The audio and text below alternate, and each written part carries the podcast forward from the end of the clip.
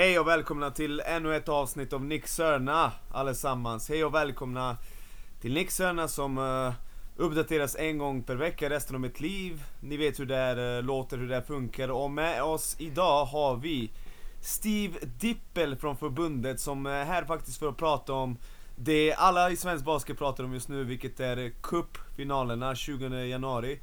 Och även lite andra nämnen. Först och främst Steve, helvete vilket fett namn du har. Steve Dippel låter faktiskt otroligt coolt, håller du med? Absolut! Wow, tack vilken eh, komplimang. Jag kan bara hålla med till 100%. Det, det är inte lika bra som Leonard Payne exempelvis, men det, det är riktigt Nej, bra. tyvärr. Steve Dippel, eh, vad har du för eh, ursprung? Jag är född och uppvuxen i USA, i New York. Eh, och eh, ja, började spela basket tidigt i tonåren. Jag har en svensk mamma så jag har alltid haft liksom lite koppling till Sverige och så. Släktingar som har bott där och somrar som har tillbringats på olika ställen runt omkring Stockholm. Men, Men när, jag är... när flyttade du till Sverige permanent då? Ja, jag visste inte då att det skulle bli permanent, men det var 2005 när jag flyttade till eh, Stockholm för att plugga på Stockholms, universitet. Jag hade även varit eh, utbytesstudent ett halvt år, 2002 var det väl. Så det börjar bli, eh, ja det är väl bra många år sedan nu. Hur, hur, hur gammal var du när du flyttade då permanent? Då var jag drygt, jag var väl 22. 22? Häftigt. Jag, jag, jag flyttade till Sverige 2007, så där har vi något gemensamt nästan. Ja, Häftigt. kul. Pratade ni svenska hemma i New York då? Nej, inte särskilt mycket förutom kanske när jag var väldigt liten, alltså bebis. Okej. Eh, Men jag tror att jag, lite, en del av liksom språket fastnade i huvudet på mig, eller hjärnan på mig, för jag hade betydligt lättare än mina klasskamrater att liksom lära mig språket när jag var utbytesstudent och sen när jag flyttade hit Ja. permanent då. Och hur ofta åkte du till Sverige när du var yngre liksom? Var det en gång per år, två gånger per år, eh, en gång på fem år? Ja, var, varannan sommar faktiskt eh, brukar vi hänga med mina morbröder eh, som, som har bott i Stockholm länge.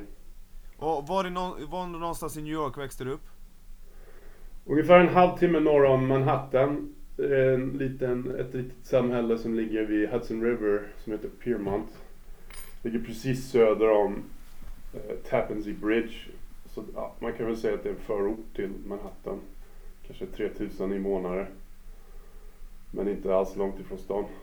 Oh, Okej, alltså det här är intressant, jag visste inte det här, men eh, vi- vi, jag ställer en till fråga för jag tycker det är så kul att jämföra om du skulle jämföra livet i USA och livet i Sverige vad, Alltså som helhet, du måste välja, nu måste du välja Pistol mot huvudet, vad är bäst? Vad säger du då? Alltså för mig att, att välja det ena eller det andra. Yes Ja, då är Sverige, alltså jag har haft många år på mig nu och liksom klura på den här stora livsfrågan. Och ändå kommit fram till att jag, eh, Sverige passar mig bäst jag trivs bäst här. Sett till liksom det stora livsperspektivet med ja, work-life balance och eh, liksom tillgång till natur och ja, livskvalitet i stort. Så jag känner mig väldigt hemma här nu. Känner du att du saknar USA-livet ibland? Ja, ja, och då är det massa specifika saker, inte minst liksom eh, eh, utbudet när det gäller mat, idrott, kultur. Alltså det, det finns bara mycket mer av allting i New York. Alltså du kan få tillgång till whatever eh, när som helst i princip. Eh, spelar ingen roll vilken tid på, på dagen eller natten. Men eh, ja, det är inte så att det finns extremt begränsat med möjligheter i Sverige. Det är bara att konstatera att det är skillnad. Det bor liksom nästan 10 miljoner människor på Manhattan och det är klart att Ja, då, det är då finns det många ställen att kunna utforska. Ja precis, precis, jag förstår det. Ja, ja, men vi går vidare från det här, vi kan kanske återkomma någon annan gång. Jag tycker det är spännande ändå liksom eh, eh, Att jämföra och dra den parallellen. Eh, För det är många svenskar som kan tänka sig bo i, i USA liksom, man, man matas ju med eh, liksom propaganda, USA-propaganda sen, sen man är liten. Men samtidigt, jag har haft flera lagkamrater från USA när jag spelade som liksom ser att Sverige är så jävla överlägset på så många olika sätt liksom. Mm. Uh, och många vill stanna, det är därför vi har många som kanske hittar flickvän och sen inte flyttar tillbaka till USA för de fattar ju att Livet här är helt enkelt enklare och så. Men det, det är som sagt ämne för en annan dag. Vill du, vill du förklara din roll på förbundet, Steve? Absolut. Jag jobbar som kommersiell chef på förbundet. Gjort det i drygt fyra år nu. Och förbundet valde att satsa på en sån här roll just på grund av att alla i liksom, eller de allra flesta inom svensk basket i styrelsen och på kansliet kände att nu är det dags för svensk basket att ta nästa steg i det kommersiella. Att vi ska liksom börja eh, ta vår rättvisa plats bland de större idrotterna i landet när det gäller eh, kommersiell utveckling. För att vi ser hur mycket sporten eh, växer och, och vilka eh, häftiga, fräscha eh, möjligheter vi kan erbjuda eh, kommersiella partners när det gäller våra olika produkter. Så mitt jobb är att övergripande sköta eller liksom värna om varumärket Svensk Basket. Vi gjorde en varumärkesresa när jag började på förbundet och när pandemin bröt ut från att liksom börja snacka förbund hela tiden till att snacka om vår rörelse som inkluderar alla aspekter.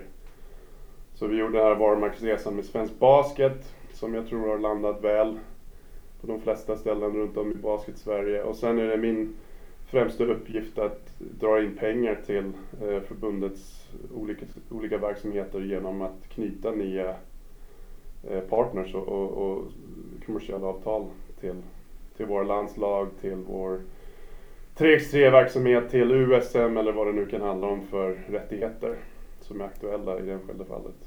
Svinbra med att du avslutade med det där, för det kommer vi återkomma till. En stor anledning till att jag ville ha det här. Men innan vi går dit, eh, så vill jag att vi först och främst pratar om uh, Super Saturday! Yes. Ni, hitta, ni, kanske måste hitta ett bättre namn än Super Saturday, men, men jag tycker att själva konceptet Nej, är... det är grymt! Nej men, uh, jag, jag, tycker att konceptet är jättebra, det sa jag även i somras när det blev klart att det skulle bli av. Sen är det så att jag kommer ha livepodd tillsammans med bänkvärmarna, vår, vi kommer ha första livepodd, så vi arbetar tillsammans här. Och, och då kan det säkert låta som att, aha, men han säger ju att det där är ju bra idé för att han ska göra något där. Men att vi skulle livepodda uh, på Hovet blev ju klart först för tre veckor sedan. Jag har sagt långt innan det att jag tycker det är en bra idé. Och jag har faktiskt sagt tidigare åren att hela, hela kuppkonceptet är helt idiotiskt. Förlåt men jag tycker det, jag, jag är sån person som bara säger som det är. Och jag, eh, några exempel på kuppsystemet och hela kuppkonceptet. Och några, några exempel som jag tycker tyder på att det inte riktigt funkade. Jag kommer aldrig glömma när BC Luleå mötte Akropol 2019-20 när de hade uh, Brand, Brandon Rosell, Quinton Upshur. Och jag lovar dig, jag såg highlightsen. Och de här grabbarna i Akropol måste fan varit bakfulla. För det är alltså Anton Kobilak Berglund satte typ 8 treor och inte på någon av de treorna är någon i fyra meters närhet av honom. Alltså det såg ju helt patetiskt ut. Jag tycker inte det funkade, det var inget bra. Sen har vi förra året, Norrköping vinner cupguld efter att ha spelat två hemmamatcher. Och that's it. Liksom alltså, jag, jag tyckte att kuppen inte har fungerat, man har inte haft något bra system. Jag pratar med spelare som har sagt till mig, inte att de ger upp, att de lägger sig, utan att de tänker Äh, torskar vi det här är skitsamma. En grundserieomgång är viktigare ändå. Förstår du vad jag menar? Mm. Men, jag men jag tycker att det är stort att ni vänder och vrider på stenar och försöker liksom hitta ett bra koncept och så snabbt jag hörde, okej, okay, Hovet, en final framför många där det faktiskt skulle kännas mycket mer seriöst, där man faktiskt försöker styra upp lite andra aktiviteter, får det bli en bra helhet, en bra dag för svensk basket. Det jag gillar från början. Och nu verkar det som att det kommer bli ganska bra publiksiffra också, mer än vad jag trodde det skulle komma. Kan du berätta för oss, hur tänkte ni när ni kom fram till att ni skulle ändra systemet? Och vems idé det var och, och så vidare? Ja absolut, och du var ju inne på eh, flera av de liksom tunga aspekterna som vi övervägde. Men liksom sammanfattningsvis så tänkte vi väl att det är liksom go big eller go home med Svenska Kuppen som gäller. Alltså övergripande så har vi ett ansvar, vi som jobbar på förbundet, med att liksom utveckla sporten på alla sätt som vi kan. Vi inte bara sitter och vill förvalta eh, saker utan vill liksom ständigt utmana oss själva och liksom se till att svensk basket tar bra steg in i framtiden. Så när vi hade liksom lanserat Svenska Kuppen då var det bara något år. Va? Och sen blev det ju pandemi och så kände jag att så här, okej. Okay, antingen kan man jobba med att bygga eh, Svenska Kuppen och, och cupfinalerna liksom sakta under ett antal år.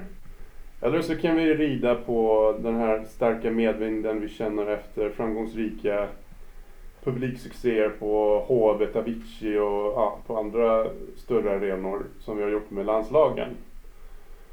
Så vi tänkte att det här är klart värt att, att eh, testa.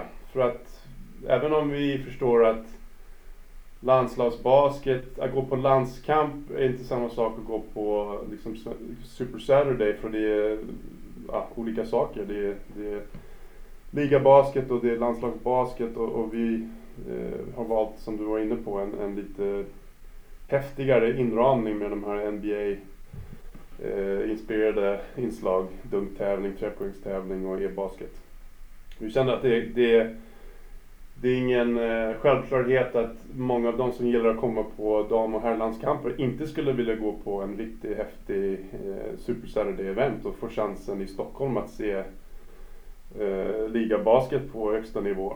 Eh, sen är ju det här också kopplat till, jag tror att det finns en önskan hos väldigt många inom svensk basket att det ska finnas eh, fler liksom, tunga eh, ligalagaktörer i Stockholm på sikt eh, för att svensk basket ska må som bäst. Så vi ser den här satsningen även i ljuset av det, liksom att eh, eh, ta tillfället i akt att, att skapa ett riktigt häftigt event som lyfter eh, de här finallagen och SPL dam och SPL herr. Så det ingår i ett, ett långsiktigt tänk. Ja, jag förstår det, jag förstår det. Uh, vad heter det? Har ni, nu är det så att vid det här laget är 5300 biljetter sålda. Uh, vilket är, jag antar att över er förväntan. Uh, och det är 13 dagar kvar. Det känns otroligt spännande, det kommer ju dyka upp folk. Vad hade ni för målsättning och hade ni beräkningen? Okej, okay, vet ni vad? Det kanske floppar fullständigt. Har ni haft de tankarna och de diskussionerna? Ja, vi, alltså, vi har varit ödmjuka inför att det här är ingenting som vi kan räkna med att det blir slut, slutsålt eh, utan att vi ska behöva lyfta ett finger. Utan tvärtom.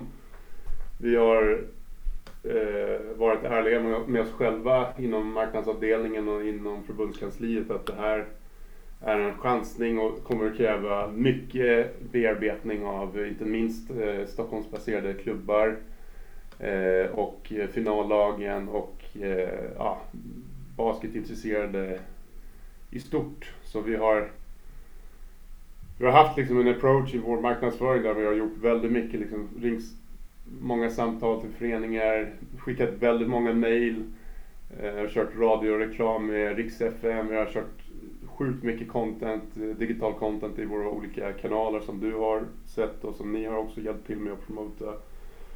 Så absolut, ingen trodde att liksom, ah, det här är... Det är klart vi får 5000. Utan eh, det jag kan säga var väl att vi hoppades verkligen på att vi skulle få in minst 4-5 tusen så att det ser bra ut. För man vill inte spela cupfinaler i en, en stor arena som känns verkligen tom. Det är ju det är lite fiaskoscenario. Precis, så det fanns ju en risk där liksom. Eh, men ni var tvungna kanske att ta leap of faith Ja, det var lite den risken vi hade. Jag kommer ihåg en av de första interna mötena jag var med på när jag började på förbundet hösten 19 handlade om huruvida vi verkligen skulle signa avtalet med Stockholm Live och köra den här herrlandskampen mot Turkiet på ja, dåvarande Globen då. Och det är klart, jag snackar med olika personer, vissa tyckte att vi var liksom dumma i huvudet, att det här blir flopp liksom. Det är klart, man kan inte fylla Globen för landskamp. Det, det går inte. Och så kände vi väl till slut att ja men om vi inte tar väl avvägda risker, vad är det vi håller på med? Det, vi, vi, vi är skyldiga svensk basket att vi, att vi försöker utmana och, och ständigt höja ribban. Så det är klart, vi hade förmodligen aldrig vågat satsa på ett sånt här koncept på Hovet om inte vi hade tidigare lyckats väl med att fylla eh, arenor med, alltså inför landskamper. Okej, okay, uh, eh, jag har nästa fråga. Låt oss säga att det blir supersuccé, det kommer 6 till 7000 personer, någon, där någonstans. Och ni känner fan, vi har något jävligt bra här, vi kan fortsätta bygga. I så fall skulle även lagen se, shit, jag vill spela. Alltså de flesta spelarna i SBL kommer inte uppleva att spela framför 5000, 6000 pers. Eh, men vad händer, vad, hur tänker ni kring det där att hovet ska ju rivas ner? för, för då blir ju kanske Avicii lite för stort för ett sånt projekt. Eh, eh, jag fattar du vad jag menar? Har ni tänkt någonting kring det? Ja absolut, alltså det är klart att vi tänkte väl eh, Dels att så här, synd att inte nyttja en möjlighet att göra det här innan hovet stängs ner. Eh, men sen är det inte givet att vi kan räkna med att den ekonomiska kalkylen går ihop eh, eller liksom publikkalkylen går ihop om vi skulle bara ha Avicii som möjlighet i Stockholm.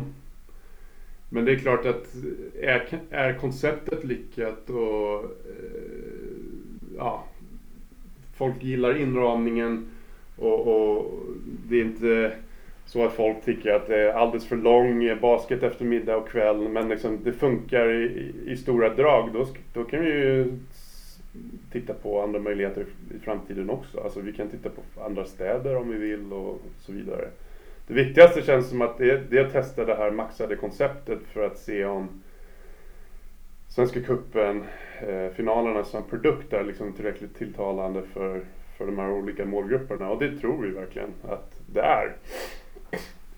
Ja, men, och, och vi, vi tycker också, som du var inne på, om spelarna kanske tidigare Alltså spelarna i finallagen till Svenska Cupen i tidigare år kanske inte har känt att inramningen, paketeringen har varit så pass häftig att det är värt eh, att de ska bry sig extra mycket om det. Ja men nu vill vi liksom lyfta ribban ordentligt så att de känner jävlar vad de förbundet satsar på det här. Och då tycker vi också att det är kul och då vill vi att eh, våra fans ska åka till Stockholm och att det blir en massa bussar med inresande eh, peppade fans.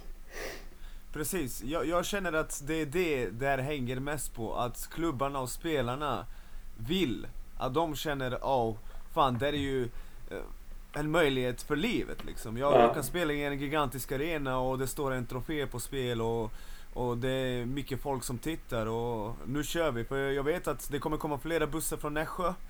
Det kommer komma flera bussar från Norrköping. Uh, nu vet jag inte hur det blir med Luleås damer, jag vet inte om folk flyger ner. Jag vet att det kommer några från Luleå i alla fall.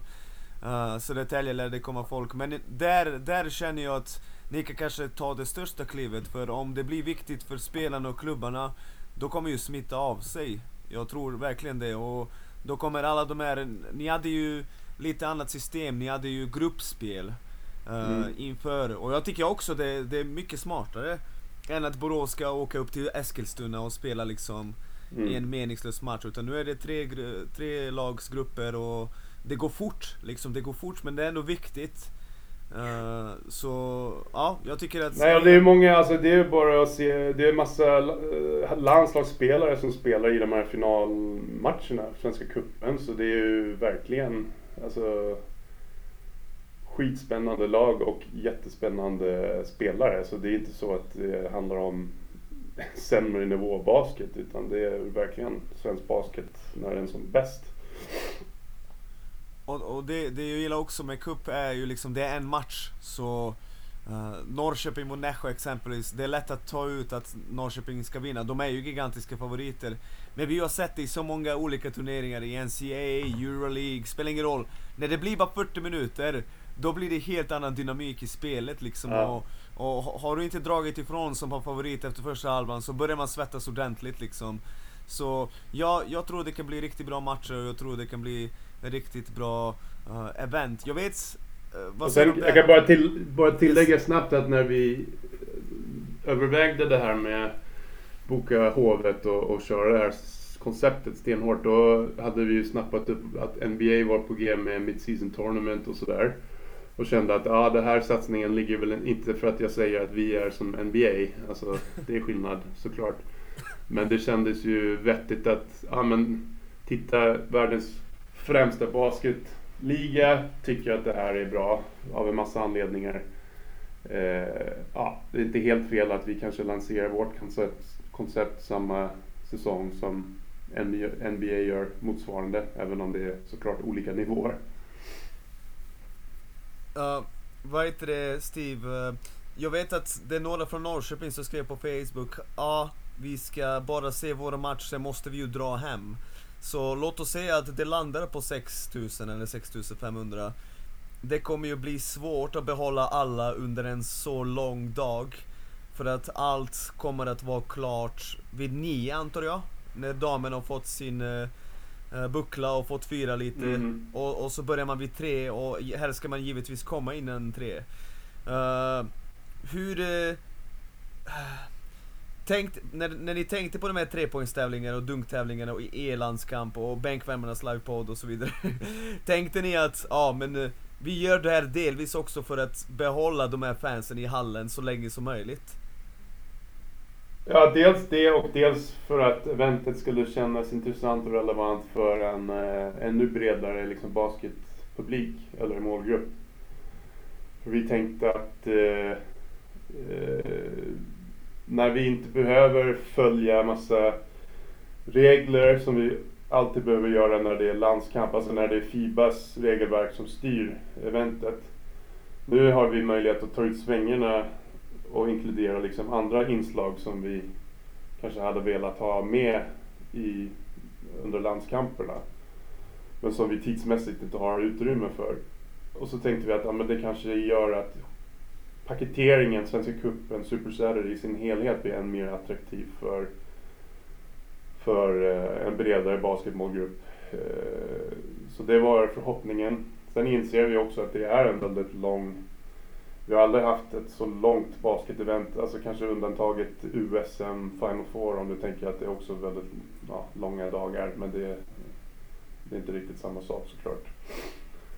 Så vi är medvetna om att kanske folk eh, väljer att komma eh, för att se eh, här finalen och kanske väljer att dra direkt efter. Förhoppningsvis så stannar de och tittar på dunktävling, trepoängstävling och e-basket landskamp och vill gärna se eh, damfinalen också. Men vi är ödmjuka inför att vi kan inte tvinga alla att stanna hela tiden. Så det blir, vi får väl såklart utvärdera det här upplägget efteråt och, och se om vi behöver tweaka någonting inför framtiden. Uh, jag kan tänka mig att det kommer komma en del ungdomar eller föräldrar med ungdomar. Kommer ni ha kiosker, restauranger? Har ni tänkt på den biten? Hur kommer det se ut uh, där?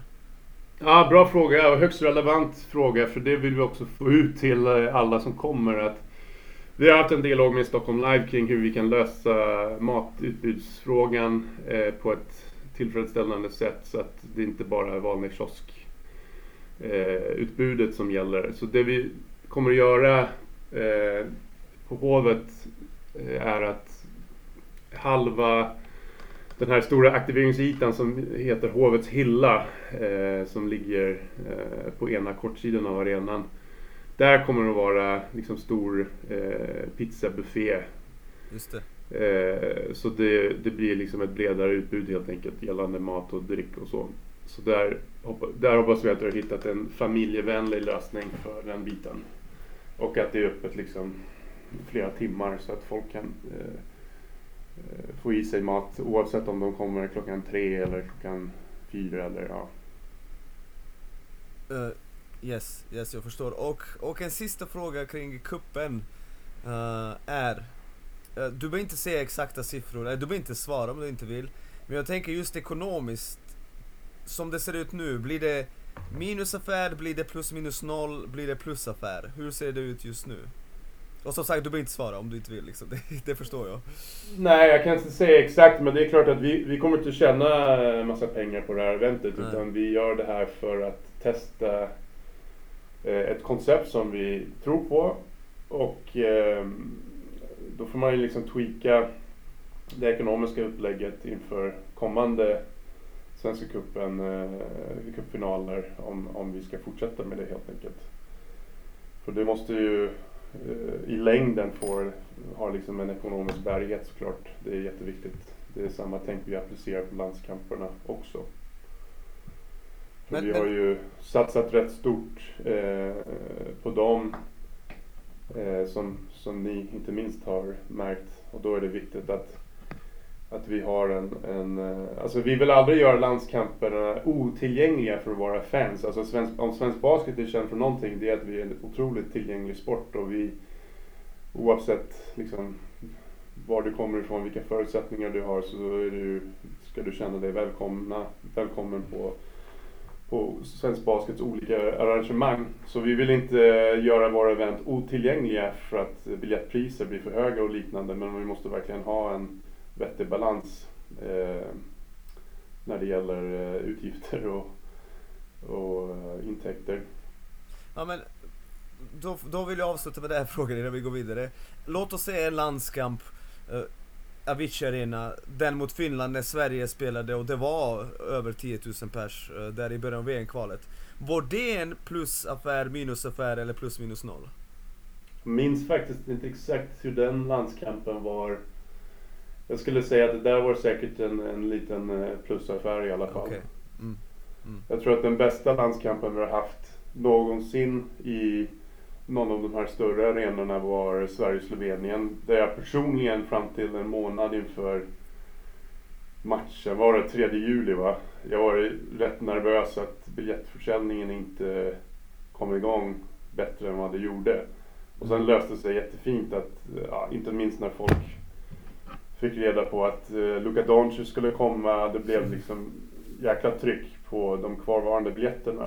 Och till skillnad från kanske hur det ofta ser ut när det är landskamp i, under november och februari-fönstren när föreningarna är igång. Alltså nu var det landskamp i juli när många föreningar var lediga.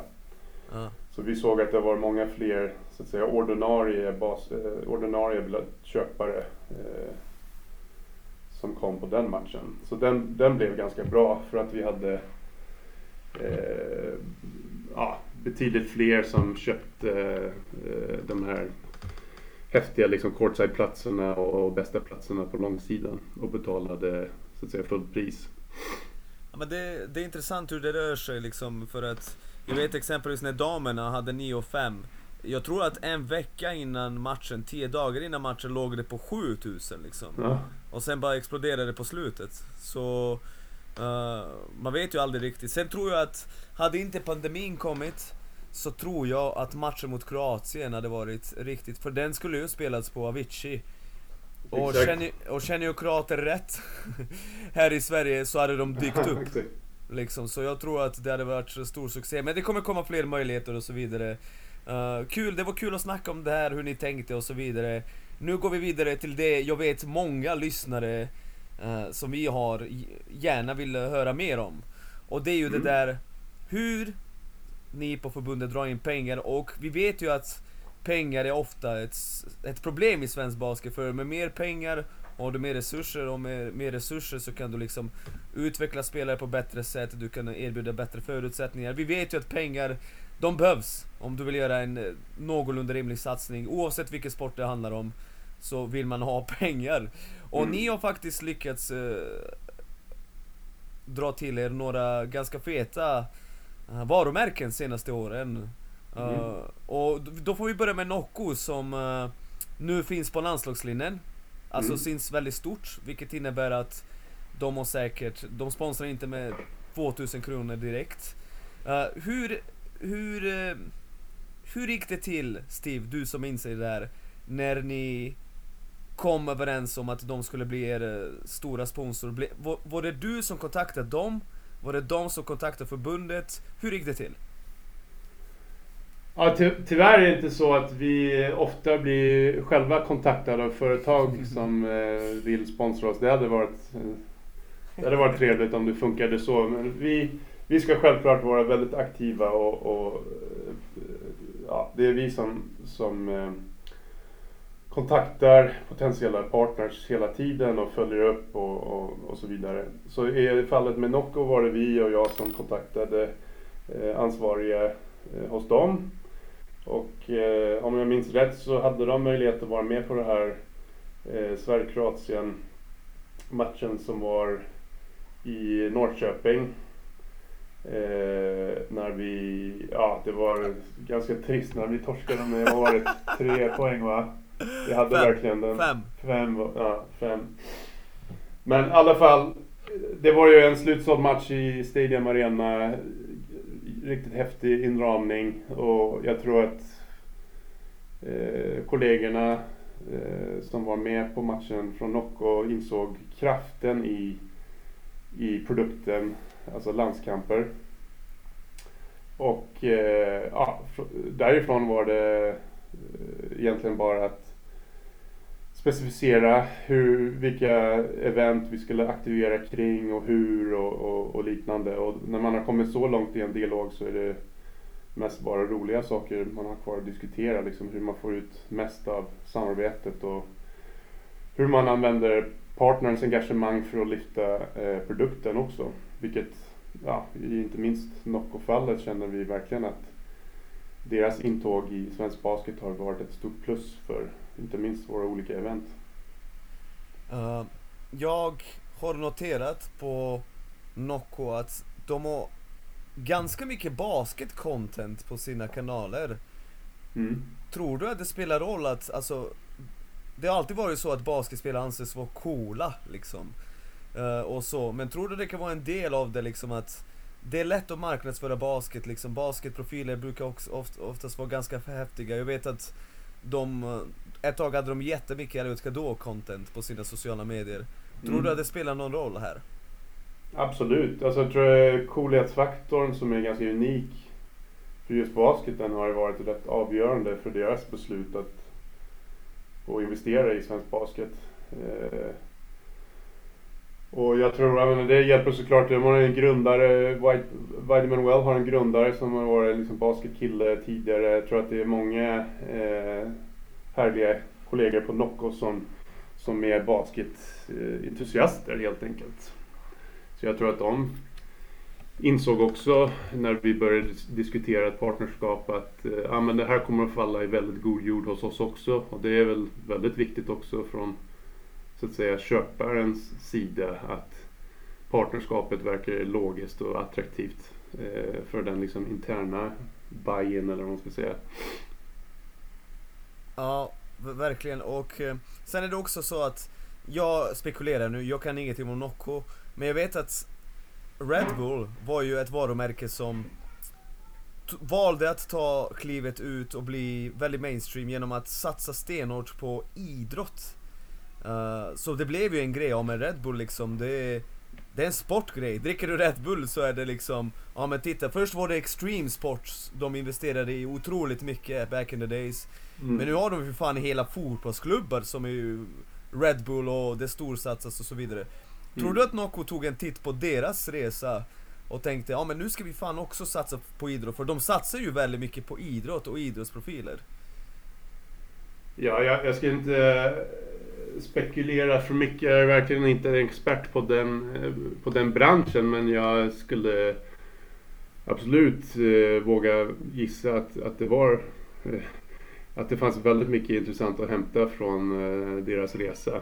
Det, det är ju en, en, ett varumärke som har förändrat ganska mycket inom dryckesbranschen. Exakt. Det är ju många som har förstått det, att, och hur, de, hur de valde att marknadsföra sig eh, och på vilka sätt var rätt unikt när de väl drog, Precis. drog igång den här stora idrottssatsningen. Så jag skulle säga att ja, förmodligen har de sneglat en hel del på vad de har gjort och andra. Precis. Sen måste jag också säga att du sa att de kom och tittade på matchen mot Kroatien och sen tre månader efter det så var det dags att möta Slovenien på hemmaplan. Och visst, det blev ju två förluster. Men jävlar vilka matcher det där var, båda två matcher. precis. Snacka om bra, bra timing att börja Ja. liksom uh, snacka med dem, för det där, ber, snacka om berg och dalbana. Jo men verkligen. Och det var bara trevligt att vi kunde följa upp med, med dem och med andra prospects och, och såklart alla våra alltså befintliga partners med den där kanonupplevelsen. Jag tror att liksom Nej, jag hade fan gåshud hela, i timmar under den eh, landskampen. Och jag tror att alla vi som var där kände att wow, nu har ju svensk basket tagit ett rejält kliv uppåt. Det kände man redan i 2020, precis innan pandemin bröt ut när, när vi satsade på det där Turkiet, eh, alltså landskampen mot Turkiet på Globen. Men, men det är också något unikt med Hovet. Det blir så kokande basketyta verkligen när det är fullsatt. Och, och det fanns inte en ledig eh, plats någonstans i hela arenan. Eh, ja, det var, det var rätt mäktigt alltså. Så ja, svar jättekul att kunna bjuda på den också. Innan vi formellt gick ut med samarbetet. Tänk, tänk om ni liksom hade gjort det 2016, du var inte på förbundet då, men då, då, då var man i samma kvalgrupp med Ryssland och Bosnien. Tänk om det hade varit liksom hemmamatcher mot Ryssland där i Uppsala och jag vet inte, typ någon sån grej. Det hade inte fastnat eh, hos dem kanske på samma sätt. Nu blev det två, två otroligt bra matcher med, med otroligt bra landslag. Alltså det är ju det bästa svenska landslaget vi har haft. Det, är- det är jag fan säker på. Eh, Ja. jag bryr mig inte Ja, men sen måste det liksom verkligen upprepas att det här är ingenting som vi, alltså vi pratar om det hela tiden. Man, man går och tänker så här, förstår folk ute i basket-Sverige vad vi håller på med? Eller liksom, ja, man vill ju gärna ha en bra dialog med hela eh, basketrörelsen så att vi förstår som förbund vad föreningarna håller på med och de förstår vad vi håller på med. Och då vill jag bara betona att liksom, vi gör de här grejerna med hjälp av, det är fans, det är, ju- det är föreningarna som möjliggör det här. Om inte de hade liksom ställt upp och köpt föreningsbiljetter och, och mobiliserat sig, eh, ja, då hade vi liksom aldrig kunnat satsa på de här grejerna. Så vi är jättetacksamma att vi gör den här resan tillsammans. För det är ju ing, vi kan inte sälja 5, 6, 7, 8, 10 000 biljetter till så att säga vanliga basketintresserade. Kanske folk som kollar NBA och liksom någon gång ibland landskamp på TV eller så. Utan vi är extremt beroende av eh, att, att basketföreningar tycker att det är nice att göra det här som en lagaktivitet och ja, att vi satsar på en, eh, en upplevelse också som eh, sträcker sig lite bortom själva matchen också med vad som händer i pauserna och halvlek och så vidare. Så jag vill verkligen rikta ett stort tack till alla basketföreningar som ändå eh, ja, som sagt mobiliserar sig och, och köper biljetterna. Förutom dem hade det här aldrig liksom flugit. Ja, det stämmer, men samtidigt, ni måste ju se till att produkten är tillräckligt attra- attraktiv. Ja, absolut. Eh, så, så det går ju båda vägar. Eh, och som jag sa, jag tycker att uh, både herrlandslaget och damlandslaget framförallt har Det är ju attraktivt, det de visar är bra produkt. Uh, herrarna är ju fantastiskt bra. Eh, jag tycker att damerna med Klara i spetsen har potential att bli något spännande. Det kommer några spelare underifrån. eh, och så vidare. I, vi har ju även Pizza Hut. som är ganska stor sponsor har jag märkt. Uh, involverade mycket när det är ungdoms-SM. Du sa att det kommer att bli en del pizza på Hovet. Jag Mm. antar att de har något med det att göra. Eh, hur, hur, eh, hur eh, gick det till när Pizza Hut kom med i bilden? Kan du förklara det liksom? Absolut, och vi är ju jättetaggade att de har klivit in som, som eh, partner till, svensk, till förbundet också. Och där, alltså, som jag sa i början på intervjun, jag är född och uppvuxen i USA och för mig har liksom Pizza Hut alltid varit väldigt närvarande i, i basket, olika basketsammanhang. Allt ifrån eh, liksom, eh, ungdomsturneringar till eh, såklart March Madness och hela liksom, college basket-grejen. Så där var väl ett alltså när man jobbar med försäljning av sponsor, sponsorskap och, och, då är det liksom dumt om man inte tittar på goda exempel som har fungerat i andra sammanhang och fungerat under lång tid. Så jag kände att eh, Eh, självklart skulle vi kontakta Pizza Hut som vi också hade snappat upp. Eh, går igenom en, en rätt häftig eh, varumärkesresa i Sverige. Och våran målgrupp med väldigt många unga, unga vuxna basketspelare spelare och intresserade verkar vara helt perfekt för den resan som Pizza Hut eh, vill göra. Och det är också ett företag som uppskattar, precis som alla våra andra partners gör, att vi är en otroligt liksom jämställd, mångfaldsrik eh, sport som, som eh, avspeglar hur Sverige ser ut idag. Så ja, det kändes som en, klock, en klockren matchning. Men eh, det var ju kul att kunna i, i de inledande dialogerna visa upp alla häftiga exempel på hur Pizza Hut har aktiverat sig och, och lyft sitt varumärke i basketsammanhang tidigare, inte minst i USA. Uh, och nu kommer vi tillbaka till lite samma fråga för jag är intresserad av svaret. Hur går det till när du kontaktar Pizza Hut? Vaknar du på morgonen, går till förbundet, sätter dig vid din dator och skickar ett mail och säger hej? Vad häftig pizza ni har! Uh, skulle ni vilja kasta hit lite pengar? Eller hur riggar du ett samtal? Alltså jag vill verkligen veta hur den processen går. Ja absolut, nej det är inte riktigt så enkelt och man ska ju man måste verkligen ha stor respekt för att de flesta, allra flesta som jobbar som marknadschefer eller eh, ja, hållbarhetschefer eller eh, som är VD på stora företag som blir liksom aktuella för olika sponsorsatsningar. De har ju Eh, du får ju hundratals mail varje vecka förmodligen från olika eh, intressenter som vill sälja Alltså inom idrotten men inom kultursfären och liknande.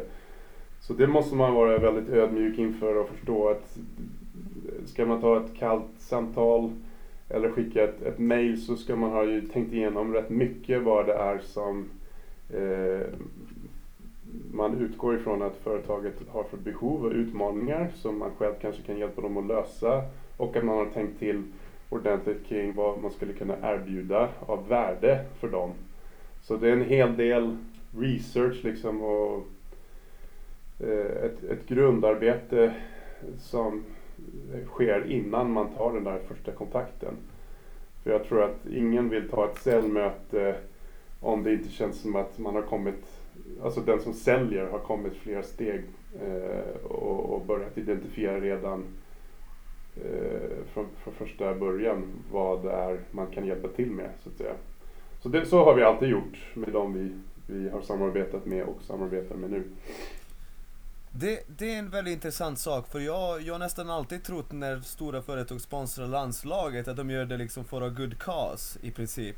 Och att, ja men här får ni det för att liksom, ja, vi vill stötta eran grej. Jag har aldrig tänkt att på landslagsnivån att man tänker, ja men lyssna, om ni investerar i oss, det är det här vi kan göra för er liksom. Uh, inte på den nivån faktiskt, så har jag inte tänkt. Nej, det, och det har varit olika genom åren såklart. Och det, tittar man tillbaka flera decennier så var väl det här med liksom VD-sponsring kanske än mer vanligt förekommande än vad det är idag. Alltså att en, en eh, högre befattningsinnehavare gillar en viss sport så då tycker man att de ska ha pengar. Liksom. Men jag upplever inte att det, det är mindre och mindre sånt nu för tiden och mycket, mer och mer fokus på, på affären i alla eh, partnerskapsavtal som tas fram inom inte minst eh, idrotten.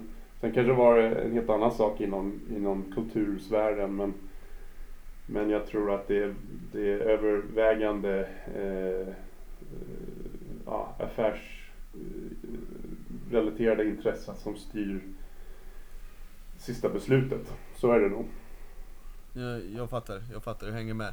Uh, och vad har du och förbundet liksom eh, uh, någon sådär lite långsiktig plan? Okej, okay, hit vill vi komma när det gäller våra samarbeten år 2025. Liksom, Okej, okay, så här mycket pengar skulle vi vilja kunna dra in det här året? Eh, eller tänker ni dag för dag? Nej, vi har definitivt ett, ett långsiktigt mål och det tydligaste är att vi ska ha en, en huvudsponsor till, till svensk basket. Alltså någon som går in på en tillräckligt hög nivå för att kunna täcka in landslagen, eh, ligorna och liksom bredd och ungdom. Även eh, 3x3-touren. Alltså verkligen gå in och, och äga eh, svensk basket som helhet. Så det, det är det målet som man går till jobbet och tänker på varje morgon liksom. Tror du, tror du det är realistiskt? För jag har inte hört om någon tidigare uh, Förutom de här uh, scammers, O-boll eller vad det heter, du kanske inte känner till det? Uh, men de skulle komma in och liksom investera i svensk basket hur mycket som helst och det verkade som Till och med ligan ändrade namnet Jag tror det var någonstans 2006, 2005 Hela ligan ändrade namnet till O-boll basketligan och så visade det sig vara någon scammer från Schweiz typ Men, Mm, okej. ja det är sjuk, sjuk historia Men Tror du att det där låter möjligt? För i mina öron så låter det ganska omöjligt Men du ser det som något som är liksom realistiskt mål alltså? Ja, jag hade aldrig tackat ja till den här rollen om jag inte tror att det var möjligt. Och, och jag tror fortfarande, och det gör nog alla eh, på förbundet och i förbundsstyrelsen, att det, svensk basket förtjänar att eh, ta den platsen, liksom, eh, eller förtjänar den kommersiella utvecklingen. Eh, inte minst på grund av att vi växer så jäkla mycket och att vi eh, liksom når många fler idag än vad vi gjorde för bara 5-10 år sedan. Vi har liksom lyft nivån ordentligt när det gäller våra olika produkter, när det gäller eh, våra liksom, digitala muskler, eh, kommunikationsmuskler i, i stort. Så ja, om man tittar på alla de här hygienfaktorerna som är viktiga för potentiella sponsorer. De tänker så här, ah, okej okay, om ni får pengar av oss, hur kommer vi att se till att vi når ut till eh, de olika målgrupperna inom Basket Sverige? Ja men då har vi ju säkrat upp att vi har eh, ja, verktygen och, och, och kanalerna för att kunna leverera på det. Så jag tror inte ett dugg på att eh, svensk idrott ska ha liksom, tre idrotter som delar på 90% av sponsorkakan. Alltså, sponsringsbranschen är dessutom en bransch som år efter år växer i omfattning. Det kan man ju också se via olika bransch eh, analyser som görs. Att för varje år som går så pumpas det in mer och mer pengar i idrottssponsring för att det är så fantastiskt verktyg eh, för eh, företagen att bygga sina varumärken och associeras med positiva värden. Det är liksom en enorm reklamtrötthet i, sam i samhället generellt eh, som företag och marknadschefer behöver ta hänsyn till. Och, och, en av sakerna som konsumenter verkligen gillar är eh, sponsorsamarbeten som förgillar upplevelsen. Så man räknar på liksom return on investment på pengar man investerar i sponsring så är de oerhört mycket mer värdefulla än om man lägger dem på oftast på andra former, typer av traditionell medieköp.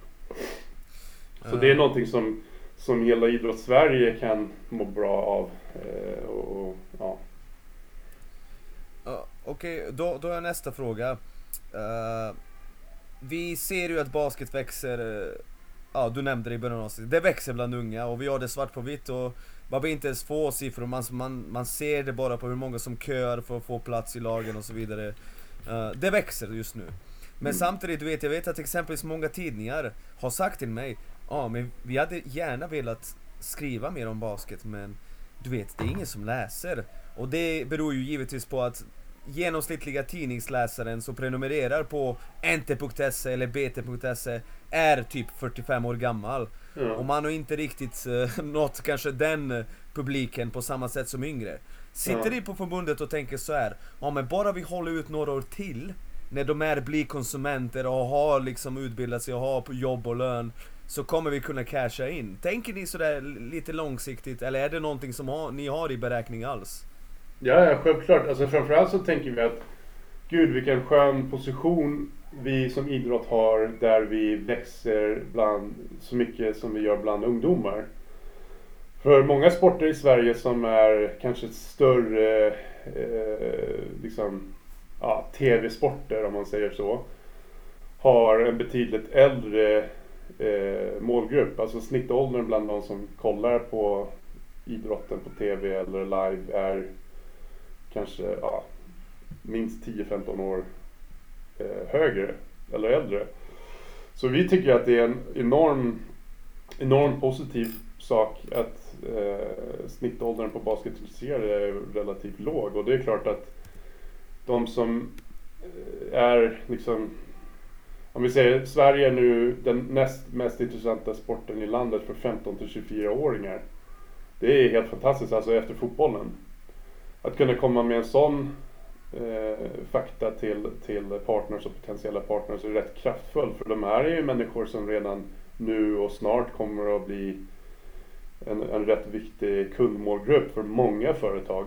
Eh, det är ju inte bara 40, 50, 60-plussare som, som spenderar pengar på prylar, produkter och, och sådär.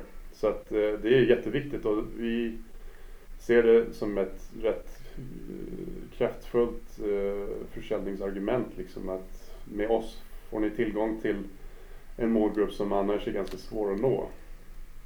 Precis, vad heter det? Alltså när jag såg den här statistiken, alltså basket har ju klättrat upp på den här listan de senaste fyra åren, år för år. Och nu är man på plats två, och först tänkte jag men det där kan ju för fan inte stämma.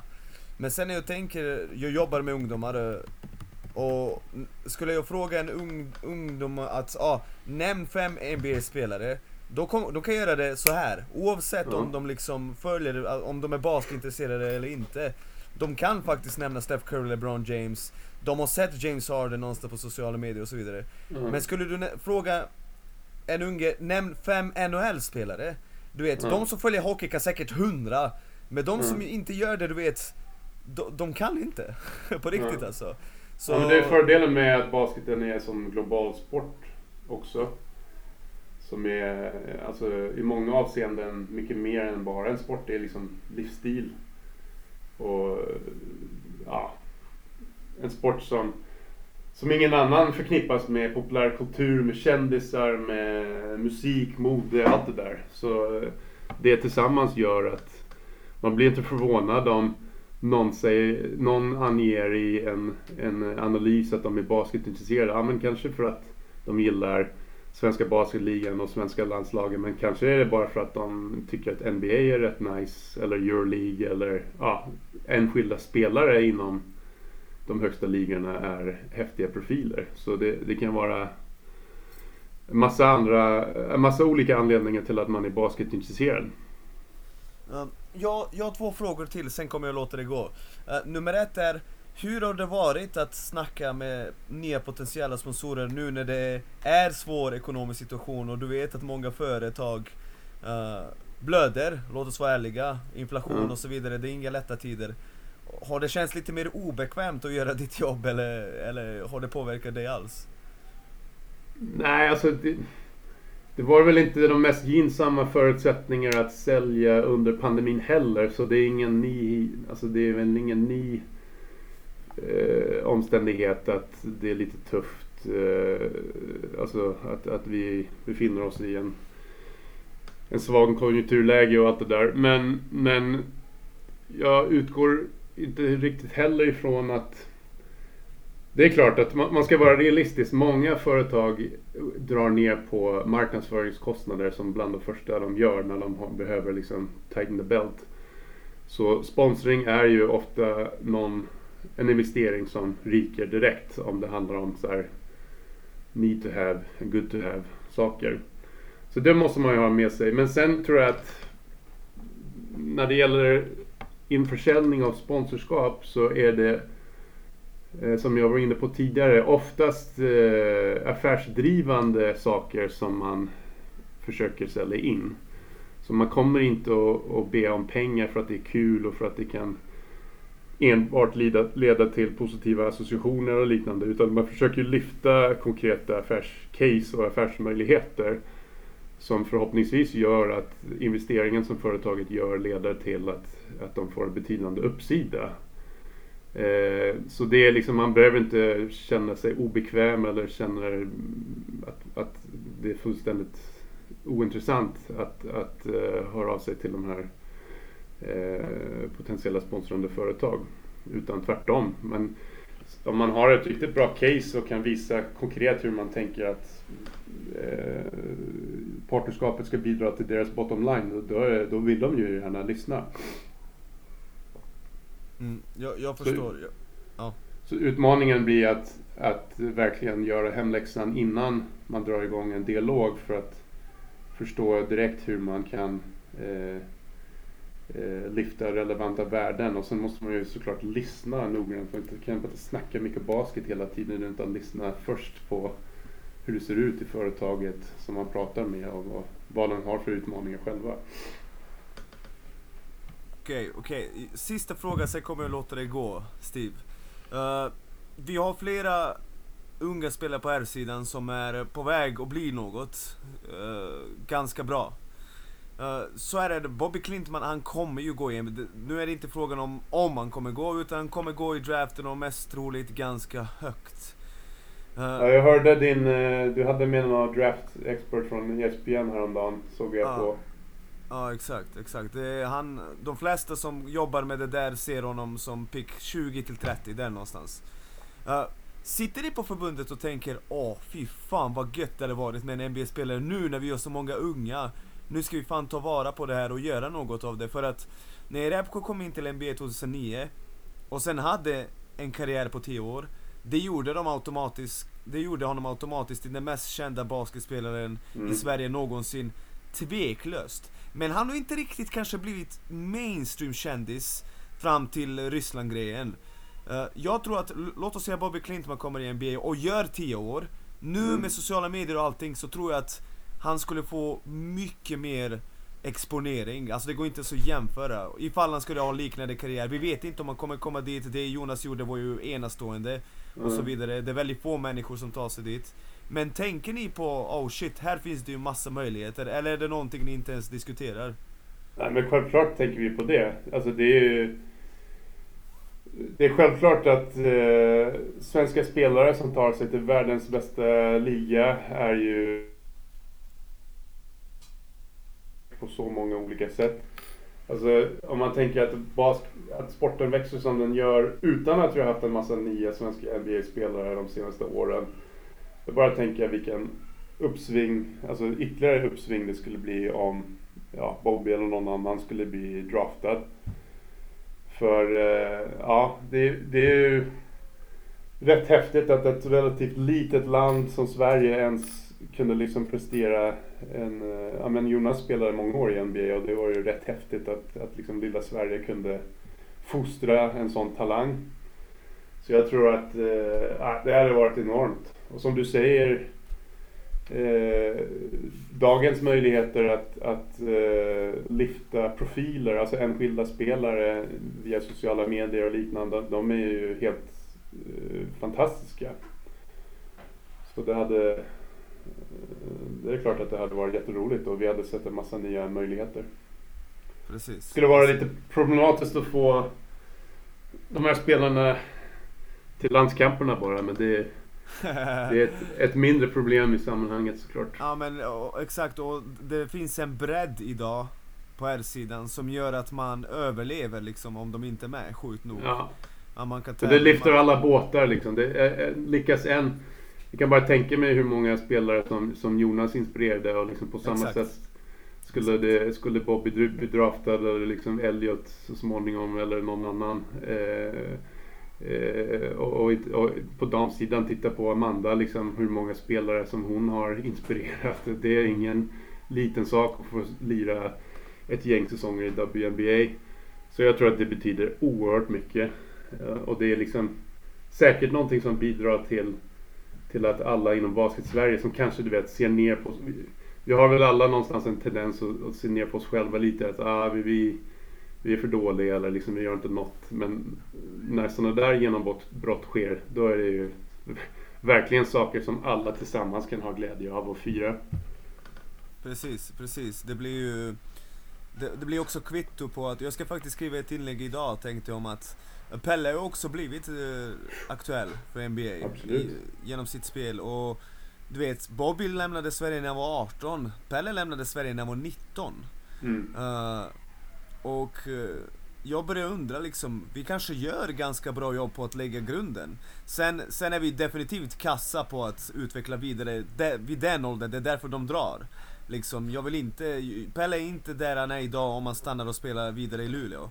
Bobby Klintman är inte där han är idag om han stannar i Borås Basket liksom. Det tror jag absolut inte. Så på, vi kommer till en nivå där vi är ordentligt dåliga på att utveckla folk, men jag börjar undra om inte grunderna och easy basket och allt det där, att det ändå är helt okej okay grej faktiskt. För att, som sagt, båda de här två har ju fått basketuppfostran i Sverige och det är inte så att de drog som Ludde Håkansson när de var 15.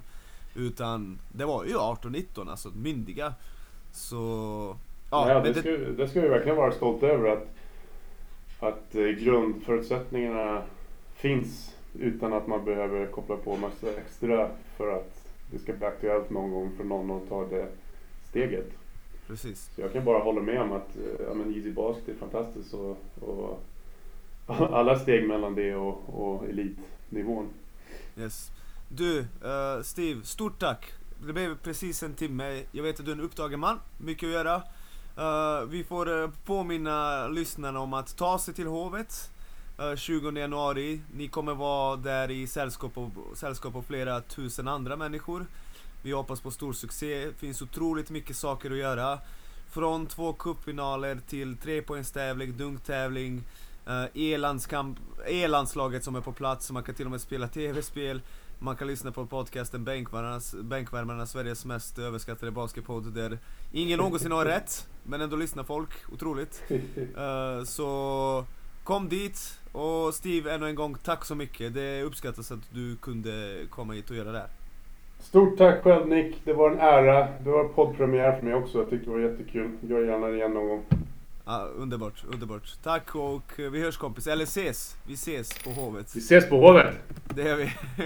ha det bra. Ha det bra. Hej då. Hej då.